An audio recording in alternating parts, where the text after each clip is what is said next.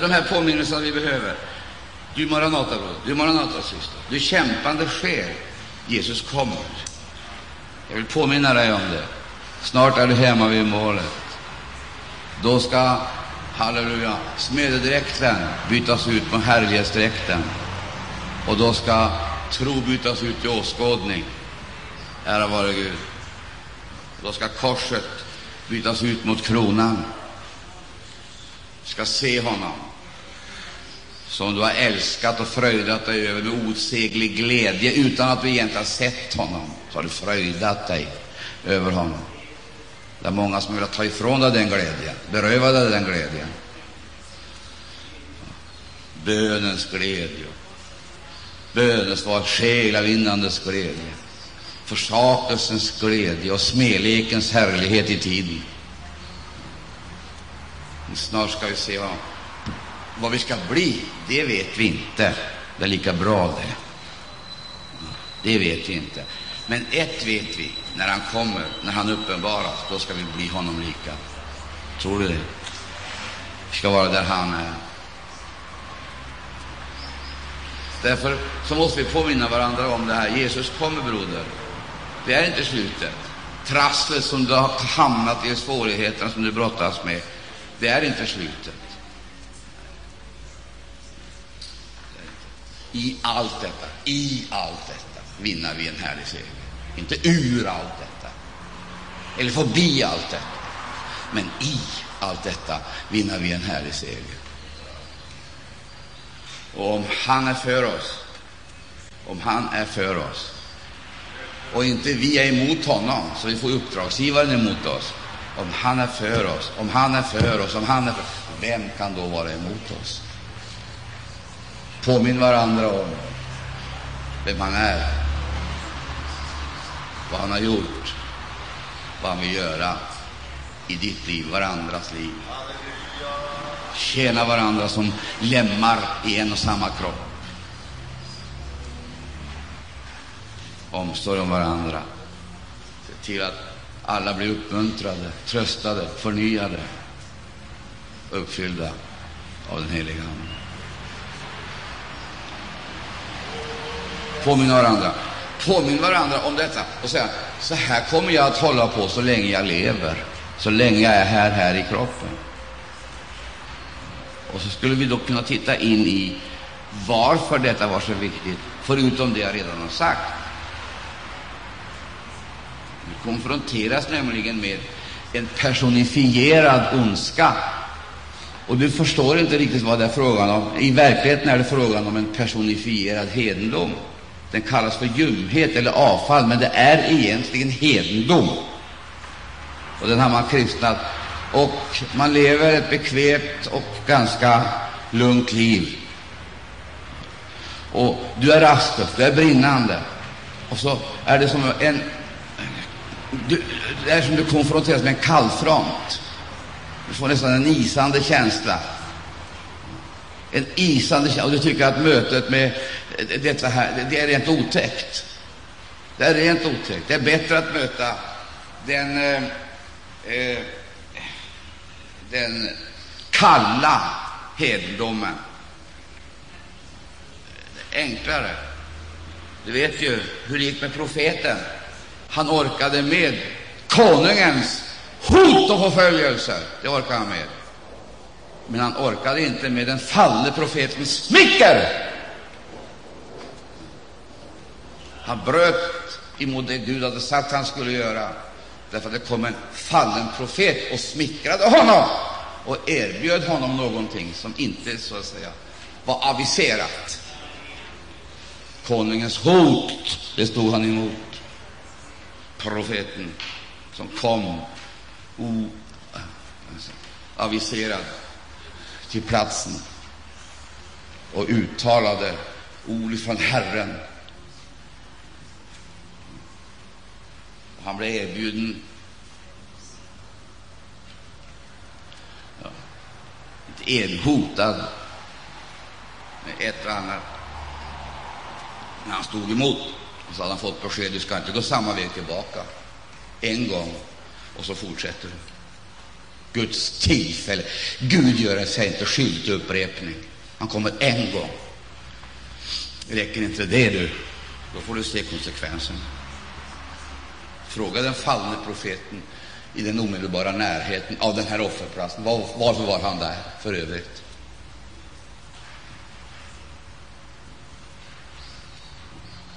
Så gick han vidare. Efter segern så var han trött och slut. Man skulle kunna säga att han var hungrig och föll ihop. En urladdning som gjorde att hans fysiska kropp den höll på att brista. Vad händer? Då kommer det en fallen profet, smickrar honom, erbjuder honom hans näring, erbjuder honom vila på hans territorium, i hans hus. Det klarar han inte. Vad gjorde han? Han gick tillbaka, följde profeten, den fallne profeten tillbaka. Du, du vet väl om det här? Vad hände? Han blev begraven i samma grav. Jag har en känsla av att de som kallar sig Maranatavittnen och vittnen, de åker omkring och leker. En sån där otäck lek med andliga realiteter. Andra gör på ett sätt, någon gör på ett sätt, andra gör på andra sätt. Förstår de inte uppdraget, funktionen? Och så fattar de inte gränserna för att funktionen ska kunna utföras och genomföras. Disciplinen, tukten. Den ena dagen så har man dem där, den andra dagen så har man dem där, vet överhuvudtaget inte vad de sysslar med, fastän Guds folk behöver människor, män som reser sig upp med ett sådant budskap att de som är vilseförda kan återföras, som bäckarna i Sydlandet.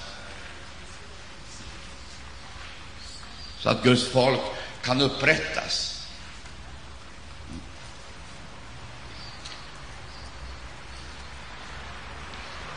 Hur gick det med profeten? Han gick tillbaka och han blev, hamnade i samma grav.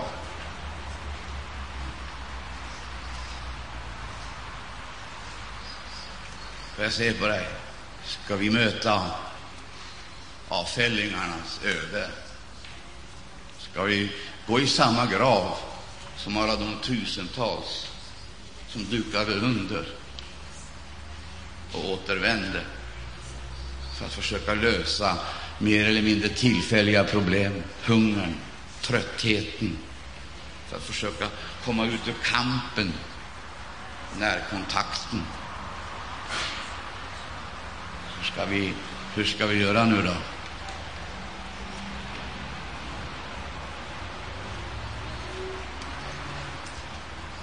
Det här är ju frågorna.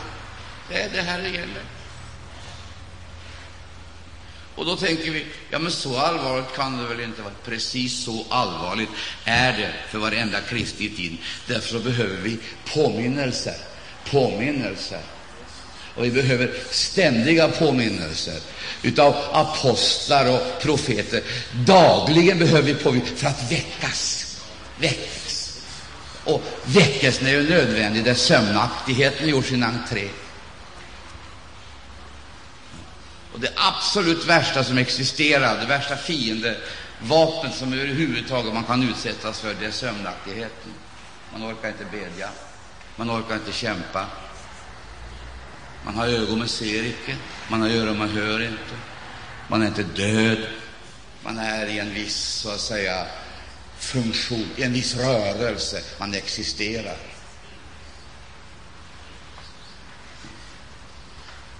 Får jag ställa en ödmjuk fråga? Är det någon här som inte behöver väckas? Bror och syster, kan du hjälpa mig?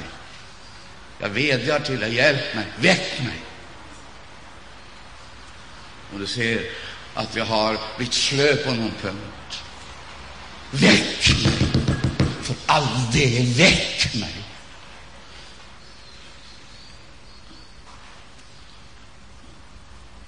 Jag ropar till dig, väck mig om du ser att det har blivit en avtrubbning någonstans. Jag har förlorat profilen och udden. Om du upptäcker att yxjärnet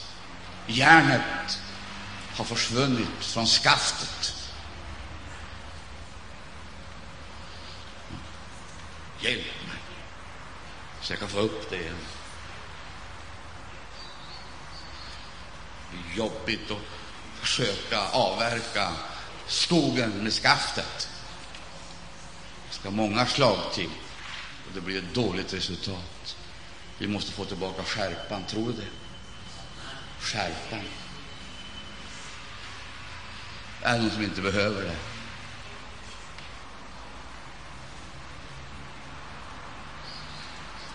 Och han säger, så länge jag lever så ska ni bli väckta. Det vill säga, så länge jag lever så ska jag vara ett irritationsmoment för alla sådana.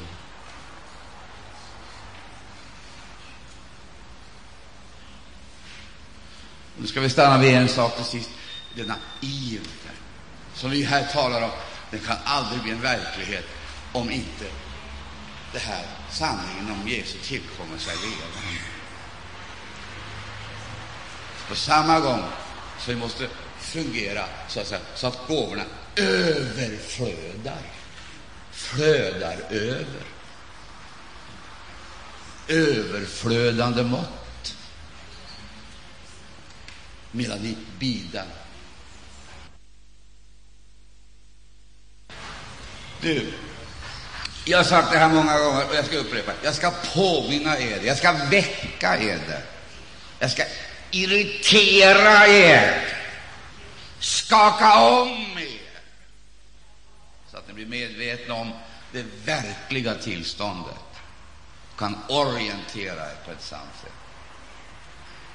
Sen är mina möjligheter, så att säga, begränsade. Jag kan inte bli uppfylld istället för er. Jag kan inte bära gåvorna istället för er. Jag kan inte få ivern efter dessa gåvor istället för er.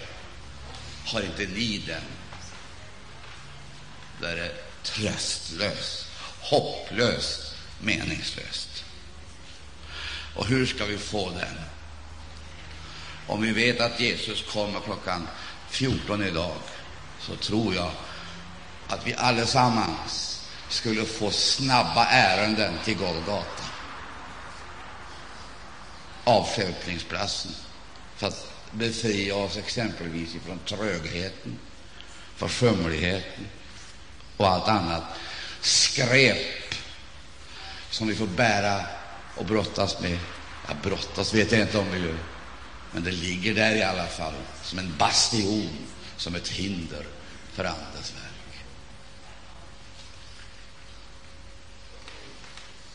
Hörru, iver. Har du iver?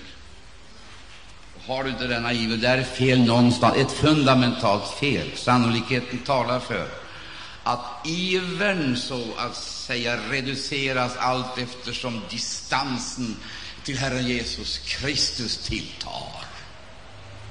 Och att distansen till att Herren Jesus Kristus tilltar innebär i realiteten att trycket upphör och det är inte förtätat längre.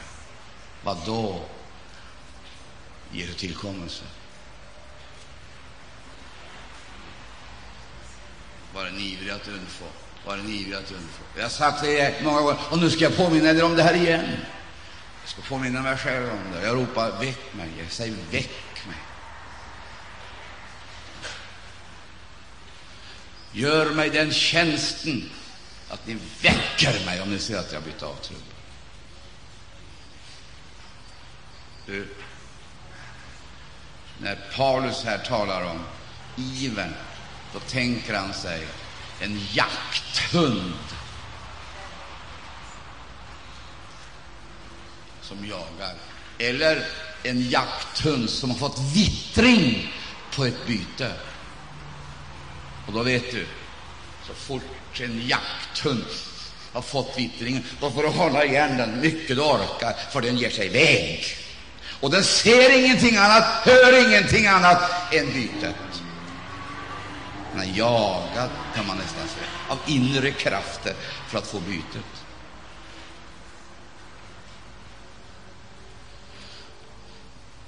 Jag har en hund, sju år. Börjar bli lite gammal, tycker jag.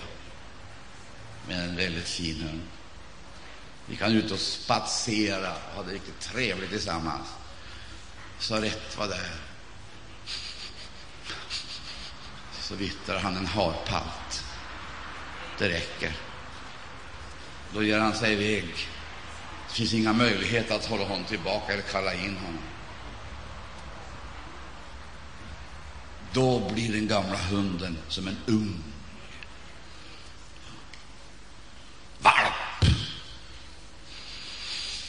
Då får den helt plötsligt spänst, koncentration och fart. Den drar iväg som en rem, och jag kan ropa tillbaka hur mycket jag vill, den kommer icke. Det är precis så Maranata-folk fungerar då de är som de ska vara. De har fått vittring på gåvorna, på de himmelska tingen, och det går liksom inte att hålla tillbaka dem längre. De måste få tag i det här. De måste få tag i det här! Är det så? Känner du igen det?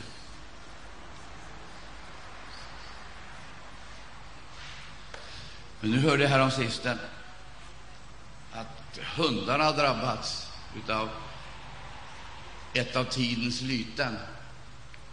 Vet du vad det är? De har fått såna mikroskopiska, mikroskopiska varelser i nosen, kvalster i nosen. Då kan de inte vittra längre. Då har den där naturliga instinkten, så att säga, tagit skada. Och de vittrar inte längre. Det kan komma hundra, så att säga, djur, och de känner ingenting. Den går lika säkert och lika stabilt och lika ointresserad. Ointresserad.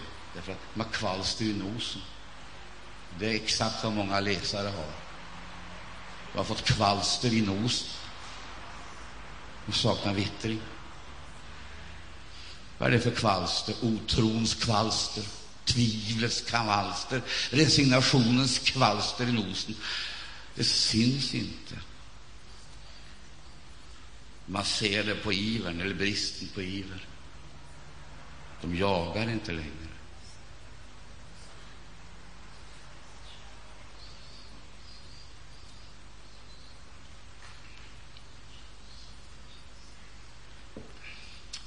Hunden måste till veterinären och få nosen renad.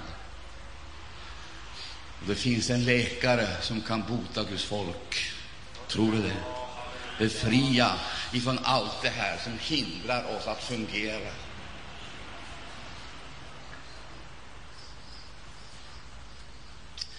Du kanske är ledsen för det jag sagt, här, men det kan jag inte göra någonting åt. Du får tala med min Herre, så får du fråga honom om det här stämmer. Du kanske tänker, du har ju pekat ut mig. Det har du fullt rätt i. Det är precis exakt vad jag har gjort. Jag talar ju inte till de som inte är här, jag talar till de som är här.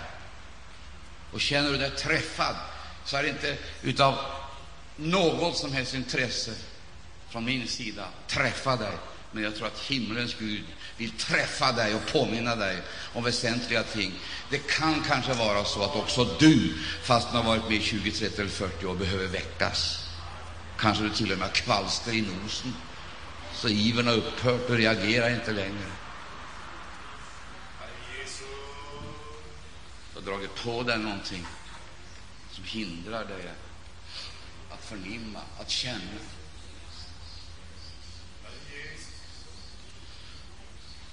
Var den ivriga att undfå andliga gåvor? Var den ivriga att undfå andliga gåvor? Och halleluja, framförallt profetian ska vara den största av alla. Var ivrig, var ivrig. Var finns den ivern någonstans? Den fanns förr. Nu behöver vi väckas över nödvändigheten av att få den tillbaka. Det är Maranatabudskapet. Gud vill göra klart för oss att hans tillkommelse är nära. Och vi kan inte fungera med de vapen som religiositeten erbjuder oss, kulturen erbjuder oss. Vi måste få det som Anden ger oss. Andens gåvor. Är det någon som inte behöver det? Avslutningsvis så får jag ta ett led till. Och det är samma apostel som går vidare. Kan du begripa? Han nöjde sig inte med att uttala det här. Han skrev ner det. Han skrev ner Och varför gjorde han det, tror du? Varför gjorde han det?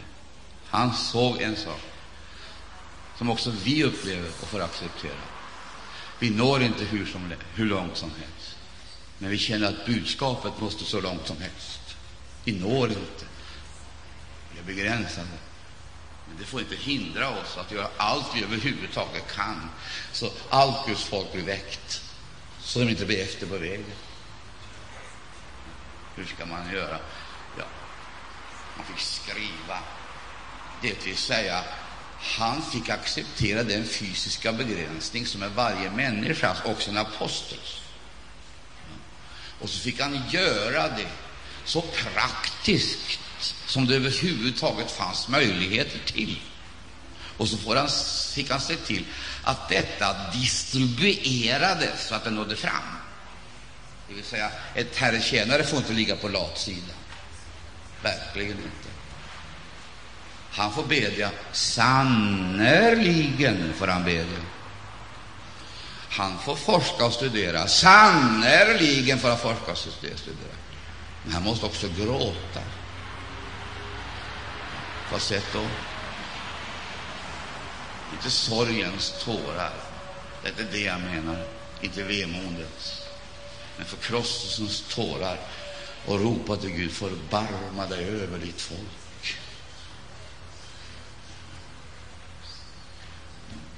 Förbarma dig över syskonen, bröderna och systrarna som har börjat vandringen. Gud, jag beder dessa som började i Anden. O Fader, i Jesu namn, se till att de inte lyktar i köttet.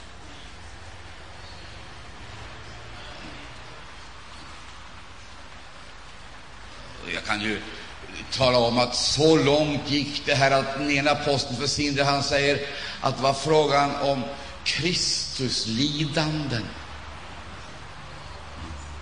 i rikligt mått. Ett ställföreträdande lidande, icke, icke av försoningskaraktär.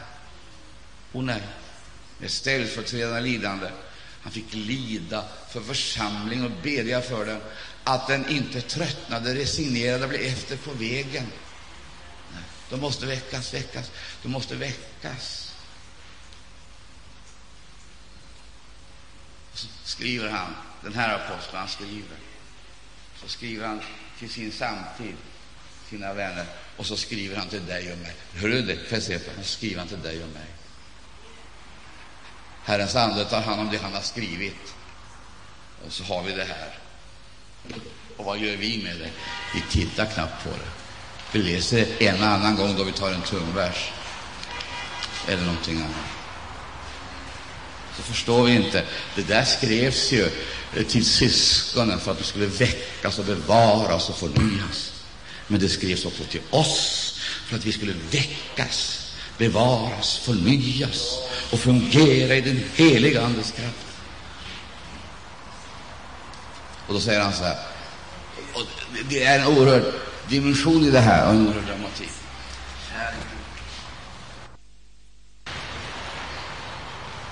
Du har givit oss ditt ord så att det skulle bli vår mönsterbild, vägledning.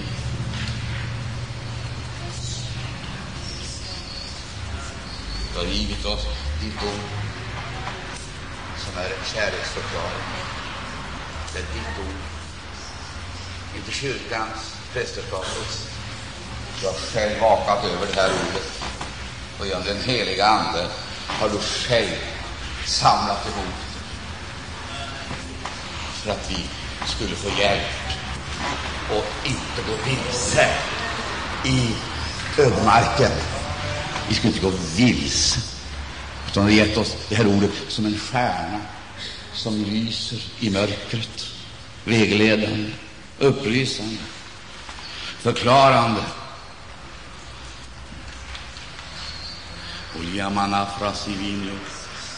Fader, du har gett oss ljuset. Har du gjort det? Visst har du gjort det. Du har gett oss det vi behöver för att vi ska komma igenom öknen, vildmarken.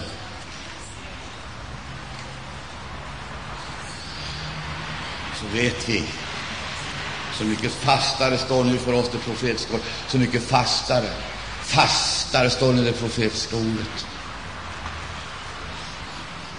Det håller. Och vad är det vi nu behöver? Det är det här ordet. Är det det? Nu ska jag få höra. Så här går det till i Guds rike, när Gud vakar över sitt verk.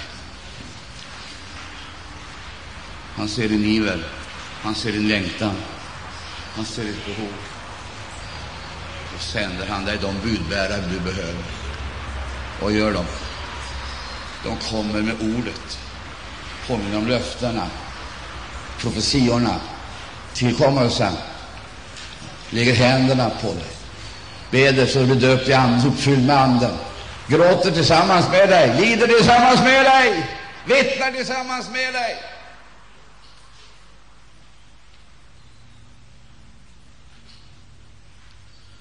Vad är det?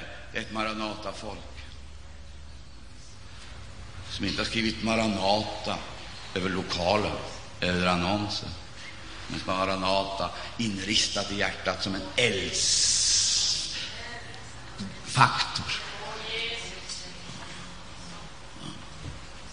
Som inte har gjort Maranata till en partifan,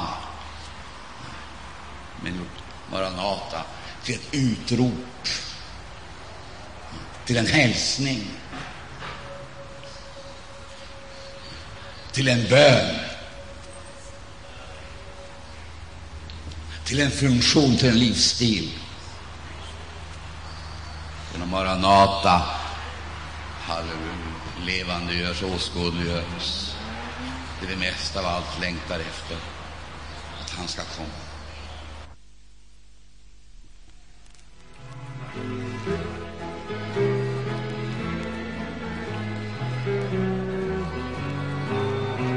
Jesus.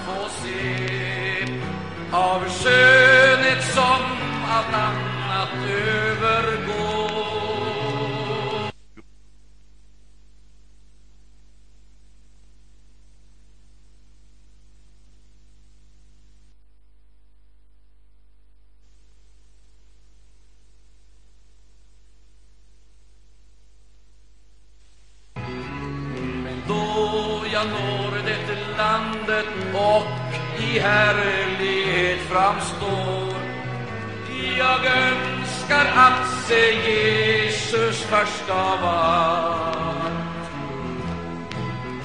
Jag önskar att se Jesus först av allt. Min syndaskuld på korset han betalt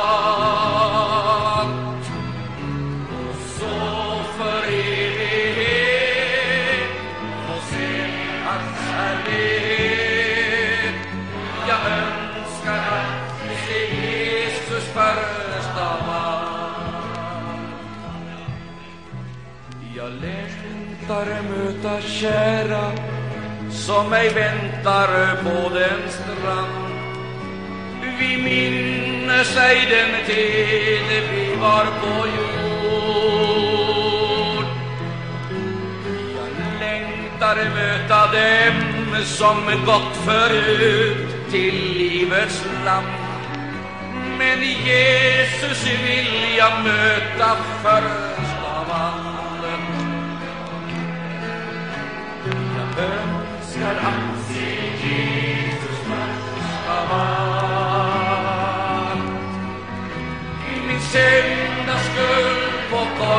korset han betalt. Och så för evighet få se hans härlighet. Jag önskar att se Jesus först av allt. Jag längtar skåda pärlor, portar, gator av rent guld. Jag längtar se min boning likaså. Den nya stad och floden som är klar som ren kristall. Men Jesus vill jag möta först av allt.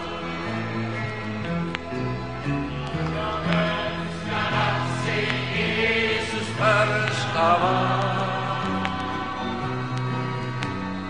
Syndaskuld på korset han betalt. Så för få se hans härlighet. Jag önskar att se Jesus först av allt.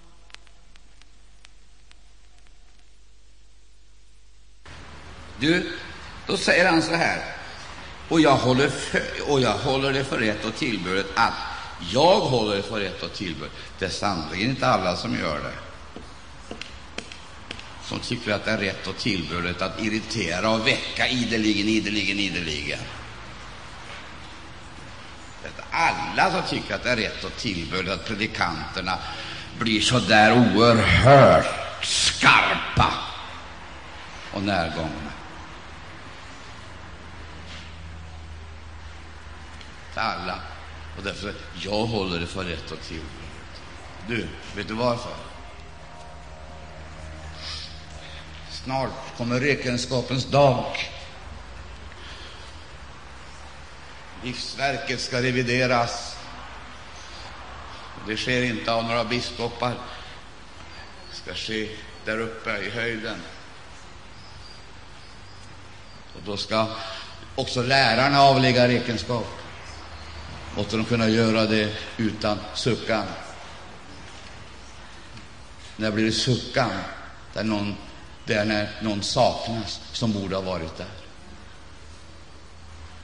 Eh, när det ska fråga var är han, var är hon, varför kom de inte med hem? Varför är inte de här? Redovisa. Hur har du förvaltat? Hur har du förmedlat? Då ska det vara med himmelriket så som när tio jungfrur inget. Då, när då och varför? Och du kan läsa föregående kapitlets sista del. Där får du se vad tjänaren sysslar med som skulle väckt de här tio jungfrurna. Du kan läsa där. Och då är det förklaringen till tillståndet hos de tio jungfrurna. Det var fem som inte nådde fram. Förmodligen hade de aldrig blivit väckta. Ställs inför det här villkorslösa kravet. Kanske till och med fått föreställningen om att det är nog bra och det blir nog bra till sist. Vad var det med den där tjänaren? Han var kluven. Kluven. Han började slå. Istället för att ge, ge mat så började han ägna sig åt sina sociala frågor och bekymmer. Så sades det, när dagen var inne för revision och uppgörelse, stycka honom. Det vill säga avslöja hans kluvenhet. Se till att den blir uppenbar, hans kluvenhet. Då ska det vara med, det vill säga Där har du resultatet av denna kluvenhet. Kluvna kristna.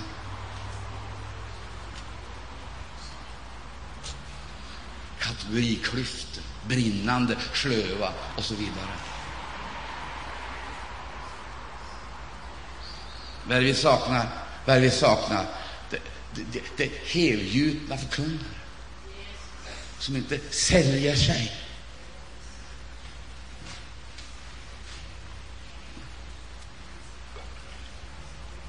Som inte har blivit köpmän i tiden. Som köper och säljer själar.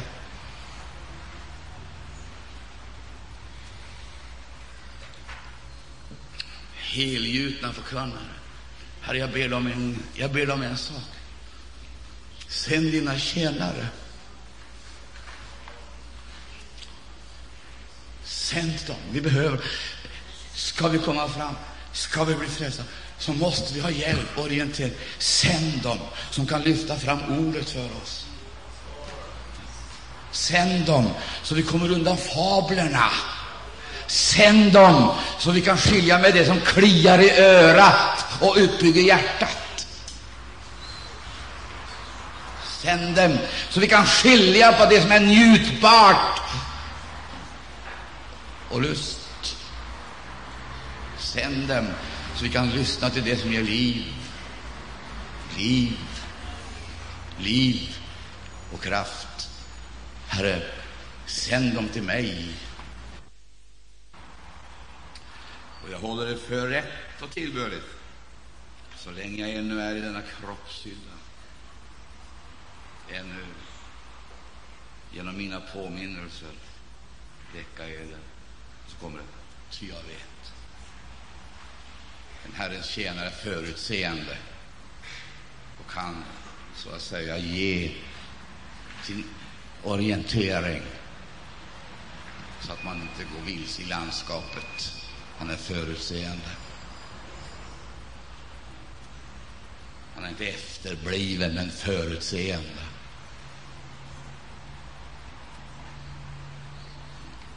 Jag vet att jag snart ska lämna min kroppshydda. Detta har Herren Jesus Kristus givit till känna för mig. Men jag vill härmed sörja för att jag också efter min bortgång steds eh, kunnen draga eder detta till minnes. Maranata.